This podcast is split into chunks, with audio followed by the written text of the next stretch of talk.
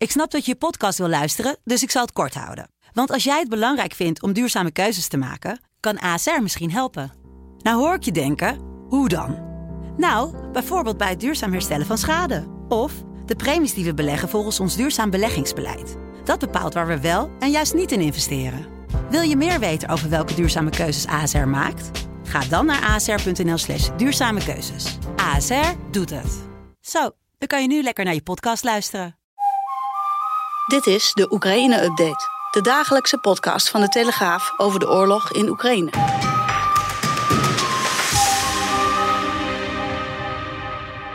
...10 maart 2022. Het is dag 15 van Poetins brute aanval op Oekraïne. Mijn naam is Floris Noord en vandaag spreken wij onze correspondent Misha van Diepen vanuit Oekraïne. Maar eerst het belangrijkste nieuws. Het eerste gesprek op hoog niveau tussen Rusland en Oekraïne sinds de Russische invasie heeft geen resultaat opgeleverd. Het gesprek in Turkije tussen de buitenlandministers van beide landen duurde minder dan een uur. De verwachtingen waren niet hoog gespannen, aangezien Rusland vooraf had aangegeven geen concessies te willen doen. Moskou eist een neutraal en gedemilitariseerd Oekraïne, erkenning van de Krim als Russisch en erkenning van twee afvallige Oekraïnse regio's als onafhankelijke landen. Voor Oekraïne is dat geen optie. Wel tonen beide landen zich bereid de gesprekken een vervolg te geven. Bij de bombardementen op een kinderziekenhuis in Mariupol zijn minstens drie personen om het leven gekomen. Dat melden de Oekraïnse autoriteiten. Een van hen was een jong meisje. Eerder was al duidelijk geworden dat zeker 17 mensen gewond zijn geraakt door de Russische bommen. Twee weken na het begin van de Russische invasie in Oekraïne zijn ruim 2,3 miljoen mensen dat land ontvlucht, blijkt uit cijfers van de Verenigde Naties. 60% van de mensen vlucht uit Oekraïne eerst naar Polen voordat ze zich over andere landen verspreiden. Ook andere buurlanden van Oekraïne zien veel vluchtelingen de grens oversteken, met name Hongarije en Slowakije.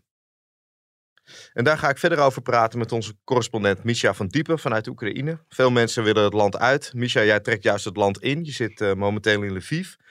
Ja, wat kom je allemaal tegen? Ja, ik ben er gisteren dus in geslaagd om uh, het land in te komen.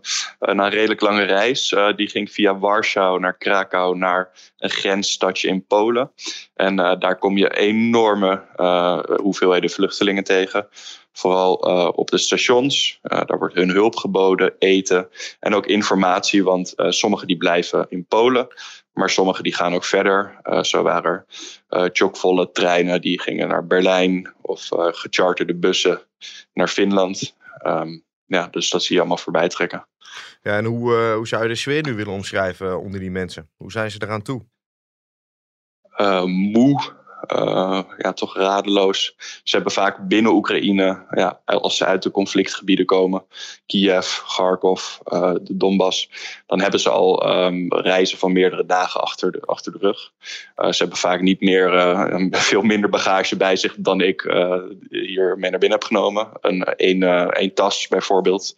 Um, ja, dus die hebben dagenlang waarschijnlijk niet geslapen.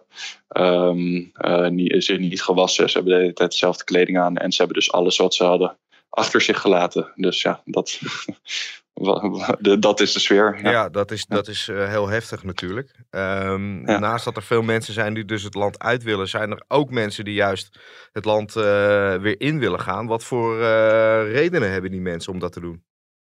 Ja, nou, de mogelijkheid om dus het land in te gaan, dat is eigenlijk, uh, dan, dan wacht je op een evacuatietrein. Uh, die, die wordt dan geleegd um, in uh, Przemysl, als ik het goed uitspreek, een, een Pools grensstadje. en daar staat dan een rij van mensen die terug naar binnen willen. Ja. Um, daar is een groep Oekraïners.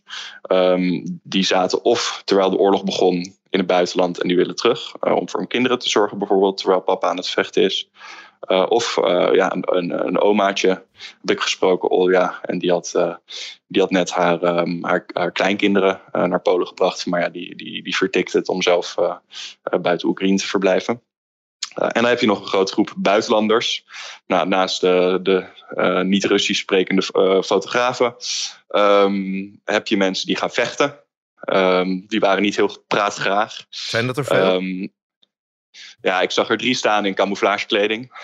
en uh, ik zat uh, zelf in de trein bij een, uh, vanuit Krakau met, met, een, met een Turkse man. Die, die heeft 16 jaar woont hij al in, in Oekraïne. En die zat toevallig net in Turkije toen de oorlog uitbrak. En die was ook vastberaden om te gaan vechten. maar ja, dat is dus eigenlijk ook het verdedigen van zijn tweede, tweede vaderland. Ehm, en een andere man, een Amerikaan, Piet, die was onderweg naar zijn peetdochter. Um, de dochter van een bevriend Oekraïns stel. Die zaten eerst in Kiev. Nou, volgens naar zijn eigen zeggen had hij ze moeten overhalen om naar Lviv te gaan. Dus in West-Oekraïne, waar het relatief veilig is. Hij een appartement voor ze geboekt. En nu ging hij naar hun toe om hen ook daar weg te halen. En wilde hij ze naar Krakau, dus in Polen, ja, eigenlijk evacueren. Maar ja, het is de vraag of ze dat zelf ook willen. Ja. Nou, we hebben gisteravond en uh, vanmorgen ook weer uh, vreselijke berichten gehoord uit Oekraïne. onder andere dat bombardement op dat kinderziekenhuis in Mariupol. Ja, hoe reageren mensen op dat nieuws als ze dat horen? Ja, het, eh, Mariupol, dat is natuurlijk dat is de grootste humanitaire ramp op dit moment.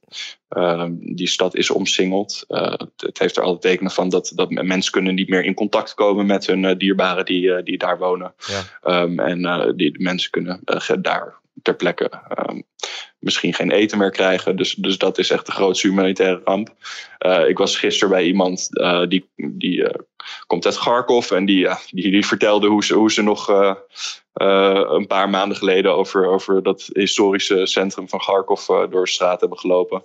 En nu zag ze een filmpje waar gewoon een hele straat weggeveegd was. Ja. ja, dus met, met ongeloof en met, met een gedachte van is dit nou het land waar wij in hebben geleefd? En het wordt gewoon van de, van de kaart weggevaagd. Ja. Um, ja. Ja, dat geweld uh, brengt misschien een nog grotere stroom van, van vluchtelingen ook op gang. Verloopt dat inmiddels enigszins uh, veilig? Nou, dat, dat hangt een beetje van de locatie af.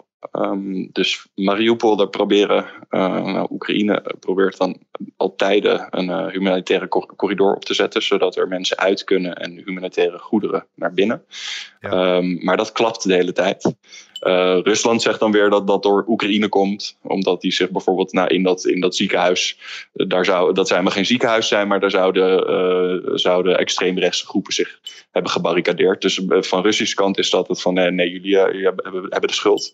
vanuit andere plekken, die, um, zoals Sumy, dat is een stad um, net boven Kharkov. en ook vanuit Kharkov, daar komen wel wat evacuatietreinen weer op gang. Dus dat lijkt wel wat beter geregeld. Dat zijn ook steden die niet per se helemaal om, omsingeld zijn. Uh, en die komen dan weer of in Centraal-Oekraïne aan. Uh, maar uiteindelijk vanuit daar zal ook een hoop hier in, in West-Oekraïne aankomen. En dan, uh, ja, mensen blijven of hier, of die gaan weer verder naar Polen, uh, hoofdzakelijk. maar ook andere omringende landen. Oké, okay, Misha van Diepen, correspondent in Oekraïne, dankjewel. Gelukkig gebeuren er naast al dat leed ook mooie dingen. Een caravanstalling in Wouwbrugge wordt omgetoverd tot opvangplek voor vluchtelingen uit Oekraïne. Vrijwilligers onder aanvoering van Jan Tinga steken de handen uit de mouwen om de locatie zo snel mogelijk klaar te maken. Ja, wij voelen gewoon dat wij dit moeten doen. Die mensen moeten opgevangen worden. En dan zie je dus dat het leeft in de gemeenschap ook. En uh, dat er gewoon heel veel, ook hier in het dorp, heel veel warme harten zijn die van alles geven en van alles willen helpen. Er was een gezin onderweg, maar die hebben dus uh, elders onderdak gevonden. Het is aan de gemeente ook natuurlijk uiteindelijk weer om te zorgen dat de mensen bij ons komen. Maar dat ze komen, dat is zeker. Ja, Kijk, dan zijn jullie er klaar voor. Daar zijn wij er klaar voor. Tot zover deze Oekraïne-update. Op vrijdag 11 maart vanaf 4 uur weer een nieuwe aflevering. Al het laatste nieuws vind je op de site en in de app van de Telegraaf. Bedankt voor het luisteren.